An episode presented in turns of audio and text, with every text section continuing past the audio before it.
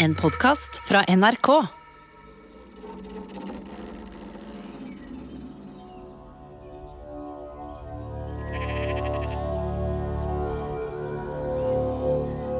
Barneoppdragelse i Norge på midten av 1100-tallet var annerledes enn det er i dag. Det skal være sikkert.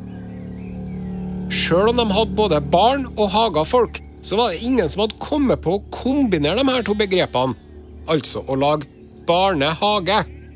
Det fantes ikke noe barnehager.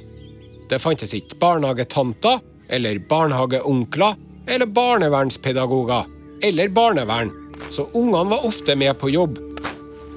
Sånn var det hvis man var en liten trellunge, sånn var det hvis man var konge, og sånn var det under slaget ved Minne ved sørenden av Mjøsa, Minnesund, sommeren 1137. To store hærer skal til å brake sammen.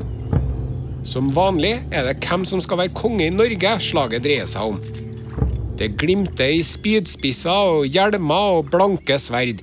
Krigere roper og kauker og hisser hverandre opp. Litt i utkanten av slagmarka står det en mann og en liten gutt, en lyshåra pjokk på bare to år. Mannen har skinnende brynje og full krigsmundur. Forsiktig tar han tak i smårollingen, løfter den opp, og så tar han og putter gutten i en sekk. Han putter den i en sekk, sier jeg! En sekk! Og det er ikke noe ordentlig sekk engang. Er slettes ikke noe bæremeis. Det er mer som en bylt, et slags eh, sjal han snurper sammen. Den lille gutten er Norges konge, kong Inge, og Inge skal være med på jobb i krigen. Spør du meg, er det like greit at det ikke fantes noe barnevern på den tida, for om det hadde gjort det, da måtte jo barnevernet ha grepet inn her. Da måtte jo en eller annen saksbehandler, eller privatperson for den saks skyld, ha sagt ifra klart og tydelig til mannen i brynja idet han putter den lille kongen i sekken. Unnskyld meg, hva er det du driver på med? Putter du kongen i en sekk? Og hva skal du så med den? Skal du ut i et stort slag og slåss med kongen i en sekk? Er du seriøs? Kan jeg få komme med et forslag? Enn om du setter kongen inn i stabburet her og gir noen kongler å leke med? Ikke det, nei.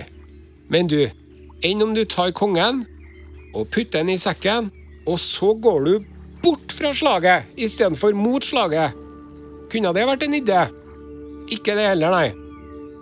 Er ikke det noen andre som kan passe på kongen mens du slåss, da? Nei. Du, jeg beklager, og ikke for å ordne kvalm eller lage noe oppstuss, mulig du syns jeg overreagerer her nå, men jeg må rett og slett si fra at det her framstår veldig uansvarlig. Jeg blir nødt til å sende en bekymringsmelding oppover i systemet. Det her er ikke bra, måtte noen ha sagt, om barnevernet fantes, men det gjorde det jo ikke. Så han stormannen i brynja, han sier noen vil kanskje synes dette er rart, men tidlig krøkkes. Og så putter en kong Inge oppi sekken. Og så hiver han bylten med kongen over skuldra med ene hånda, og så roper han 'angrip!' Og spring inn i kampens hete.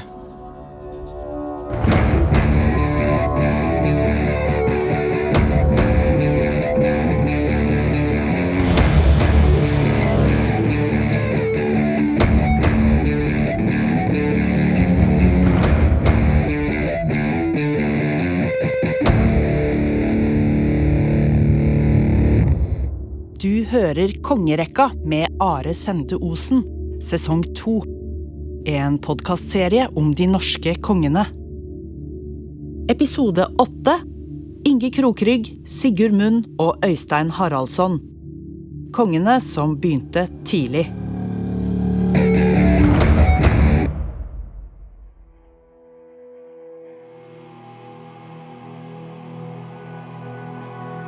Heldigvis gikk det bra. De jaga fienden på flukt. Kong Inge vant.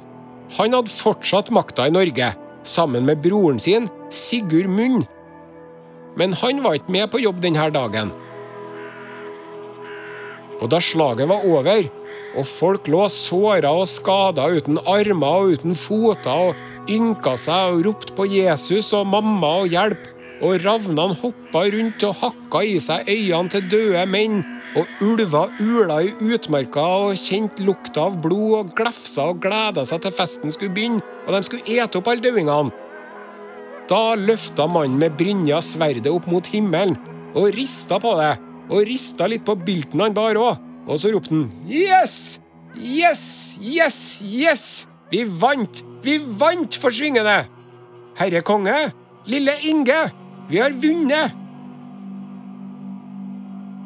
Herre konge?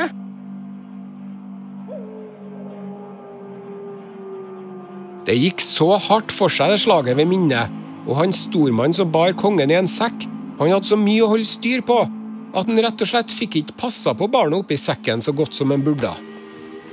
Så da han åpna bylten, sto ikke det så bra til med den lille kongen oppi der. Han var skada. Han hadde fått skavanker han sleit med resten av livet. Ryggen knøyt seg sammen, så han hadde en pukkel både foran og bak, og den ene foten var mye kortere enn den andre, og så svak at kongen knapt klarte å gå alene. Etter slaget fikk han tilnavnet Krokrygg. Og han broren, medkongen Sigurd, han kalte dem Sigurd Munn, fordi han hadde så stygg munn.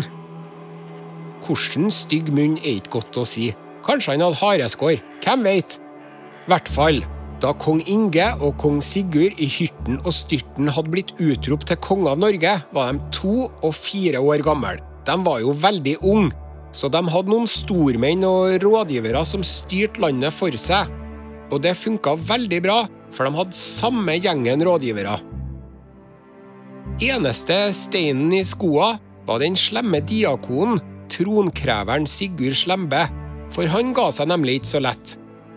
Det var jo han som hadde drept den forrige kongen, faren til Inge Krokrygg og Sigurd Munn. Han Sigurd Slembe han tenkte at hvis jeg ikke kan bli konge, kanskje er det noen andre som kan bli konge, som jeg kan kontrollere. Aha, sa han Sigurd Slembe, jeg veit det.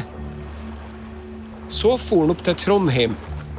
Der satt ekskong Magnus Blinde i kloster på Munkholmen blind og balleløs og med én fot, og sang Pater Noster og Ave Maria og var munk, og syntes ikke det var noe morsomt i det hele tatt. Så da han Sigurd Slembe dukka opp og lurte på om han ville prøve å bli konge igjen, var ikke nei i hans munn. Så de tok Magnus Blinde ut av klosteret, og så tenkte de seg om. Hva gjør vi nå? De ble enige om at Magnus Blinde skulle fære til Opplandene og samle folk. Og så skulle Sigurd Slembe fære over havet til øyene der, Shetland og Orknøyen og sånn. Og så skulle han få med seg folk der. Så tar vi det derfra, sa han Sigurd Slembe.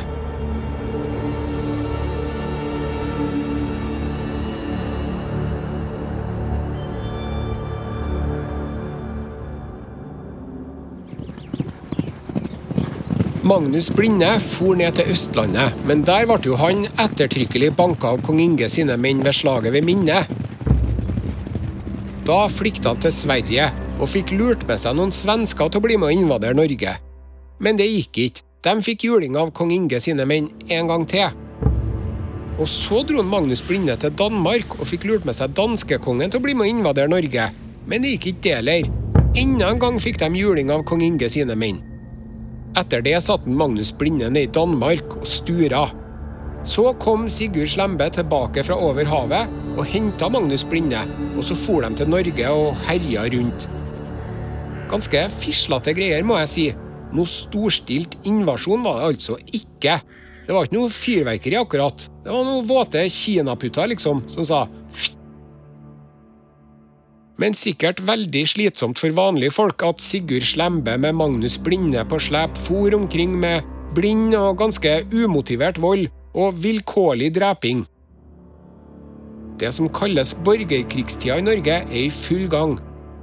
På sjuende året, 103 år med borgerkrig gjenstår.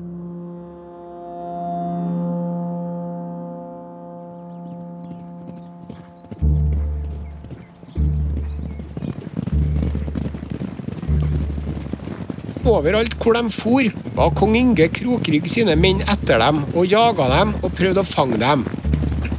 Men kong Inge og mennene hans likte ikke at det var dem som måtte gjøre all slåssinga. Det var lite hjelp i gjengen til kong Sigurd Munn, syntes dem. Så kong Inge sendte et brev fra Østlandet til bror sin i Trondheim. Hallo!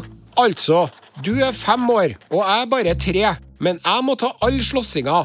Kom igjen! Nå må dere være med å ta i et tak. Jeg kan ikke gjøre alt arbeidet alene. Og hvis dere ikke kommer og hjelper meg, så kommer jeg og tar dere. Med vennlig hilsen din kjære bror Inge. Lev vel i Guds fred. Kong Sigurd Munn og trønderne sa ja, du har rett i det, sorry, vi har vært altfor lite på ballen, det innrømmer vi, så nå kommer vi og hjelper deg.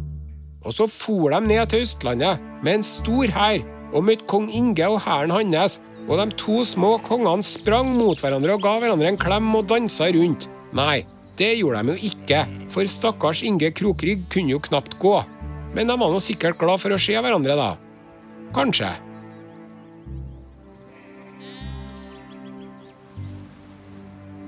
Den høsten kom Sigurd Slembe og Magnus Blinde enda en gang fra Danmark med en flåte på 30 skip, både dansker og nordmenn. Og da kong Inge Krokrygg og Sigurd Munn fikk greie på det, dro de for å møte dem. De møttes i slaget ved Holmengrå i Hvaler 12.11.1139. Kong Inge og kong Sigurd hadde bare 20 skip, men båtene deres var veldig store, da. Og så ble det et voldsomt slag. Men med en gang slaget begynte, fikk danskene kalde føtter. De sa 'fuck it', og så seilte de med 18 skip sørover igjen. Nå var det plutselig 12 skip mot 20 store. Så nå gikk det veien for lille Inge Krokrygg og lille Sigurd Munn. Skipene til Sigurd Slembe og Magnus Blinde ble rydda, som det heter. Og det var ordentlig opprydding òg, det. Alle som var om bord, ble drept. De lot ikke noen få slippe unna. Stakkars Magnus Blinde lå nede i køya i skipet sitt og hørte på ståket og levene og sverdhuggene og brølene og spurte hvordan går det, gutta? Vinner vi, eller? Vinner vi? Det gjorde de jo ikke. Ene hirdmannen til Magnus Blinde, Reidar Grotgardsson, het han. Vi har ikke hørt om han verken før eller siden. Han Reidar han sprang ned og tok Magnus Blinde i armene og løfta han opp og skulle hoppe om bord i en annen båt. Da fikk han et spyd i ryggen, tvers gjennom, og de sier at Magnus Blinde ble drept av samme spydkastet. Rypejegere kaller det dublé når de tar to fugler med ett skudd. Og Reidar datt bakover, med Magnus Blinde oppå. Eller detter man ikke framover hvis man får et spyd i ryggen? Kanskje han sto og vippa litt da, før han datt bakover. Samme det. Alle sammen var enige om at 'bra jobba, Reidar' var nesten litt i overkant. Men Reidar sin innsats den står seg 1000 år etter. Sigurd Slembe kjempa tappert til det bare var han som sto igjen på skipet sitt. Da hoppa han på havet. Akkurat som en Olav Tryggvason hadde gjort nesten 150 år tidligere. Men han Sigurd Slembe, han drukna ikke, vet du. Under vann vrengte han av seg den tunge brynja si og så gjemte han seg under skjoldet sitt, som lå og fløyt. Og det var så mye skjold og spyd og klær og døde menn som fløyt overalt, at en Sigurd Slembe hadde sikkert kommet seg unna òg, hvis det ikke hadde vært noen som sladra. Du skjønner, da slaget var over, rodde kong Inge sine menn rundt i småbåter etter dem som lå og svømte, og drepte alle de fikk tak i. Men så var det én fyr i vannet som da de skulle drepe han, ropte ut 'Ikke drep meg! Jeg vet hvor Sigurd Slembe er! Han er under det røde skjoldet der!' Endelig fikk de fanga Sigurd Slembe. De tok han opp på land, og så sa de 'Nå kan du vente deg, Sigurd Slembe'. Nå blir det heftig her. Herre er bad. Tortur. Kong Inge og kong Sigurd var ikke med på det, da. Det var nå enda bra. Men det var noen som var skikkelig sugen på hevn. Først knuste de leggene og armene til Sigurd Slembe med øksehamra. Så sleit de av en klærne. Så skulle de flå han, så de skar opp huden på hodet hans, men de fikk ikke til å trekke av huden, for at den blødde sånn, det var for sleipt og glatt, så de fikk ikke tak i hudfillene. Da tok de lærreima og piska han så lenge at det så noe ut som de hadde flådd den lell. Og så tok de en stokk og dunka den i ryggen hans til ryggraden ble knekt. Og så dro de den bort til et tre og hengte den i treet, og så hogg de hodet av den og dro kroppen hans bort og grov ned den i ei steinrøys. Unnskyld meg, jeg må bare ha et lite øyeblikk.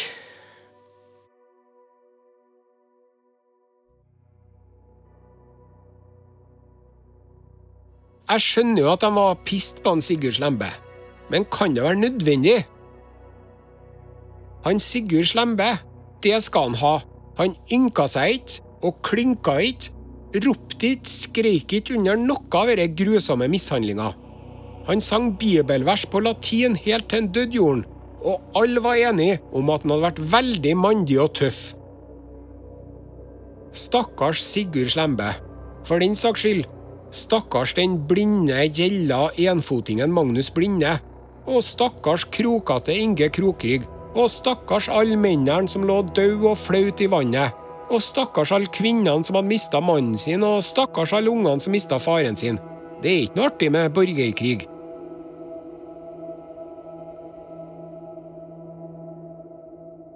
Tre år hadde tatt barnekongene Inge Krokrygg og Sigurd Munn å kvitte seg med Magnus Blinde og den slemme diakonen. De var fortsatt veldig små, da. Eldstemann Sigurd var sju, og lillebror Inge var fem. Og de to samkongene hadde fortsatt hird i lag, dvs. Si de delte den samme hirden, og det var de samme rådgiverne som styrte landet for dem. Da kong Inge Krokrygg og Sigurd Munn hadde styrt Norge i seks år, så kom det en ung mann fra Skottland, og han sa hei, hei, jeg heter Øystein, og jeg er sønnen til Harald Gille, jeg òg, så jeg er broren deres. Da må vel jeg òg få bli konge, da, si meg, sa han. Og folk sa ja, det må du vel saktens få lov til, og så ble han det. Han ble konge og fikk en tredjedel av landet. Det her gikk jo underlig lett, tenker kanskje du. Enig, men han kong Harald Gille hadde sagt ifra om at han hadde en sønn i Skottland mens han levde, så det var ikke noe akke det rundt det der. Nå var de tre. Kong Inge åtte år, kong Sigurd ti år og nykommeren kong Øystein på 17. De var ganske forskjellige. Kong Inge var liten av vekst og kunne jo nesten ikke gå for egen maskin for den ene foten hans var så slapp og vissen. Han hadde som sagt pukkel både på brystet og på ryggen etter skadene han pådro seg i slaget ved Minne da han bare var to år. Han hadde et vakkert ansikt og lyst, tynt, krøllete hår. Kong Inge var blid og vennlig mot vennene sine, og gavmild var han òg, og han var populær blant folket, men han ble aldri gift og fikk ingen barn.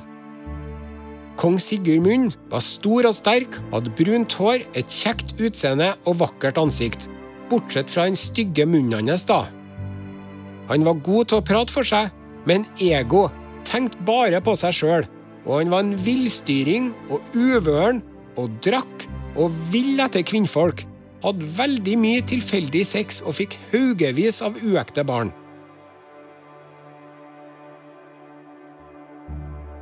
Kong Eistein fra Skottland var middels høy, svarthåra og ganske mørk i huden. Han var egentlig ganske klok og fornuftig, men han òg var egoistisk og glad i penger. Han kong Øystein han hadde verken pukkelrygg eller stygg munn, så han kalte dem bare Øystein. For å oppsummere Sigurd Munn idiot. Øystein Haraldsson idiot. Ikke sånn at de var dumme, nei, men de var villstyringa og lite kule. Men Inge Krokrygg, han var kul.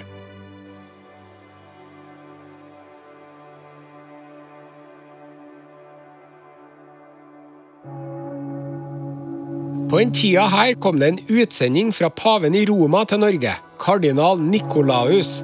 Og han kardinalen han var tydeligvis litt av en menneskekjenner.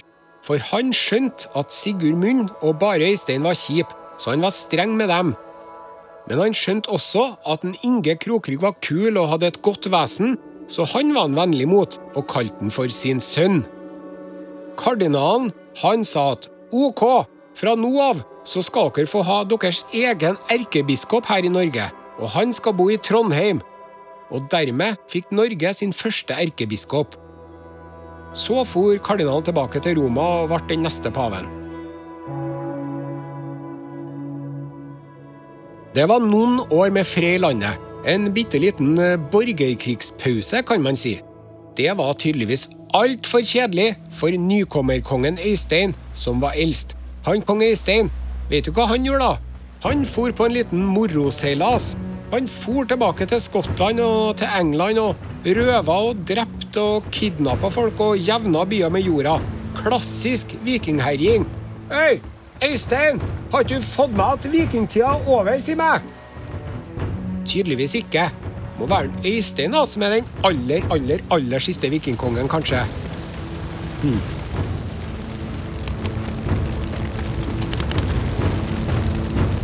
Da kong Øystein kom hjem igjen, hadde folk delte meninger om denne ferden. Noen syntes det var både barskt og mandig, mens andre mente at dette tullet har vi slutta med, har vi ikke?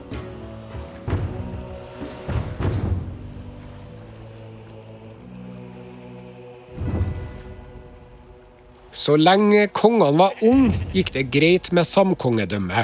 De tre kongene holdt til i hver sine landsdeler, litt på omgang. Kong Sigurd og kong Inge hadde jo samme rådgiverne og samme hird, så da drev ikke de og kjekla og sloss. Men ettersom tida gikk, 10 år, 15 år, det nærma seg 20 år, så døde rådgiverne deres, én etter én. Mest av naturlige årsaker, alderdom og sjukdom og den slags. Men da ordna både Inge Krokrygg og Sigurd Munn og Øystein Haraldsson seg egne rådgivere, egne stormenn og egen hird. Og stemninga mellom de tre kongene ble dårligere og dårligere. Og så hadde det seg sånn at en kong Sigurd Munn hadde slått i hjel en av hirdmennene til kong Øystein. Sa jeg én? Han Sigurd Munn hadde slått i hjel to av hirdmennene til kong Øystein, faktisk. Så de ble nå uvenner, da. Og så var det en vinter at de møttes på Opplandene for å ordne opp det her. Og da satt de lenge og prata sammen, og så fant de ut at ja vel, den ene av oss har jo drept et par hirdmenn til den andre, men skal ikke vi heller bare slå oss sammen og skvise ut han lillebror Inge? Han stakkars Krokryggen, har han egentlig helse til å være konge i Norge? Nei, han har jo ikke det. Nå ordner vi det sånn at en Inge får seg en gård eller to, eller kanskje tre, da. Vi sier tre gårder. Og så kan han ha en 30 mann til å passe på seg. Og så deler vi to av Norge i to, mellom oss. Og så sendte de bud om at alle tre brødrene skulle møtes i Bergen neste sommer.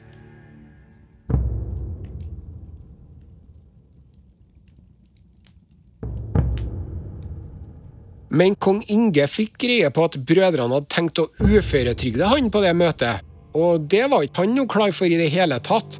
Så da sommeren kom, da for kong Inge Krokrygg til Bergen med mange menn, og kom til Bergen først. Og så kom kong Sigurd Munn rett etter. Kong Bare Øystein han var forsinka, men kong Inge sa at det er nå hans egen skyld når han er så treg. Nå skal vi ha ting. Så hadde de ting, og på det tinget talte kong Inge til folket. Og da sa han Vet dere hva de dumme brødrene mine vil gjøre, da? De vil ta fra meg makta. Har dere hørt på maken? Nå må dere hjelpe meg, folkens.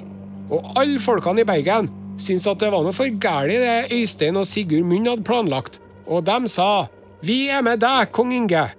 Men så talte kong Sigurd Munn til folket, og han sa Dere er pisspreik.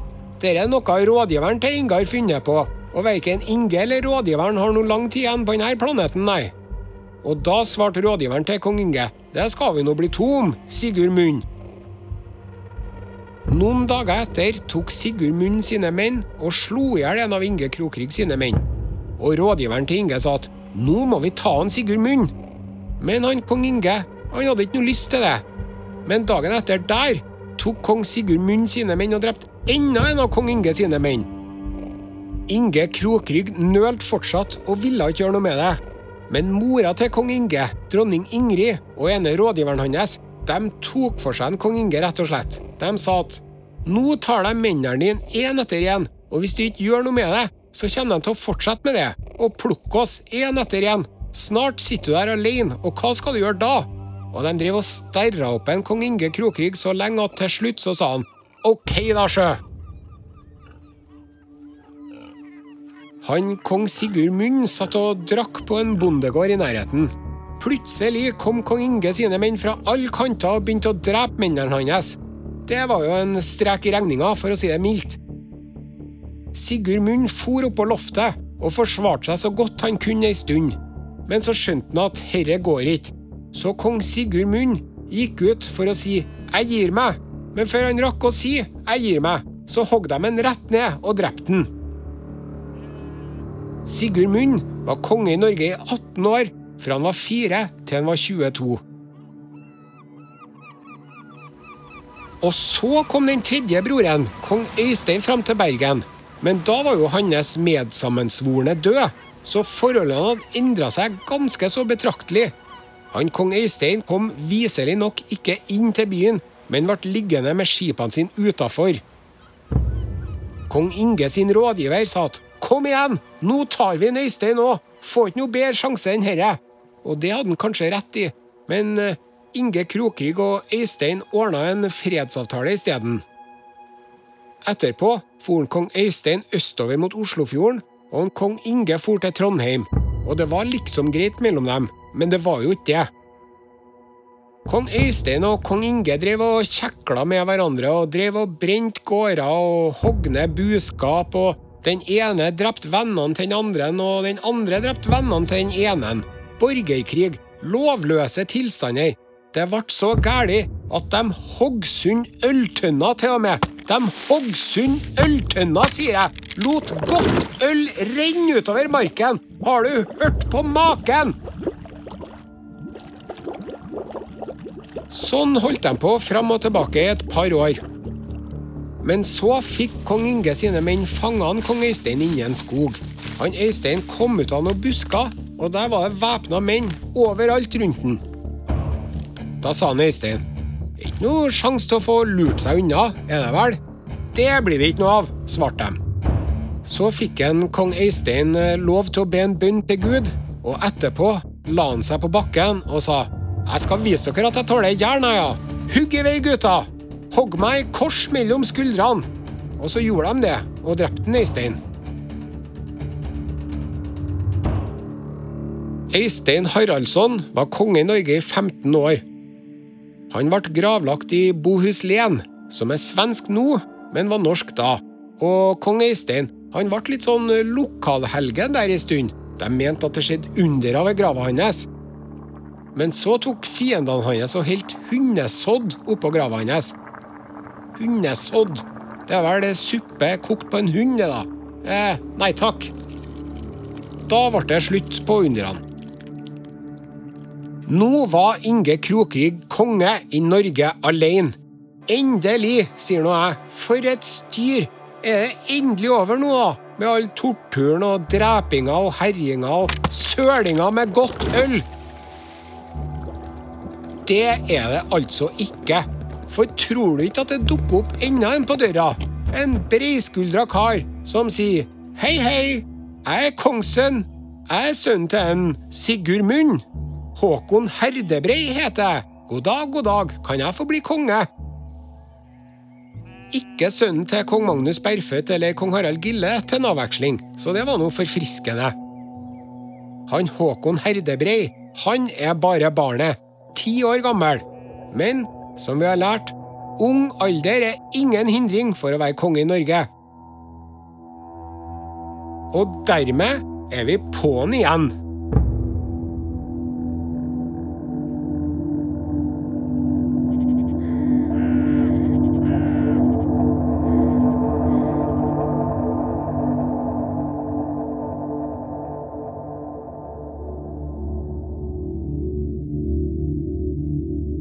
Du har hørt Kongerekka, laga av Are Sende Osen og Ragnhild Sleire Øyen. Historisk konsulent er Randi Bjørsol Verdal, og musikken er av Synkpoint. Neste episode handler om Håkon Herdebrei, kongen som kun var en brikke i spillet.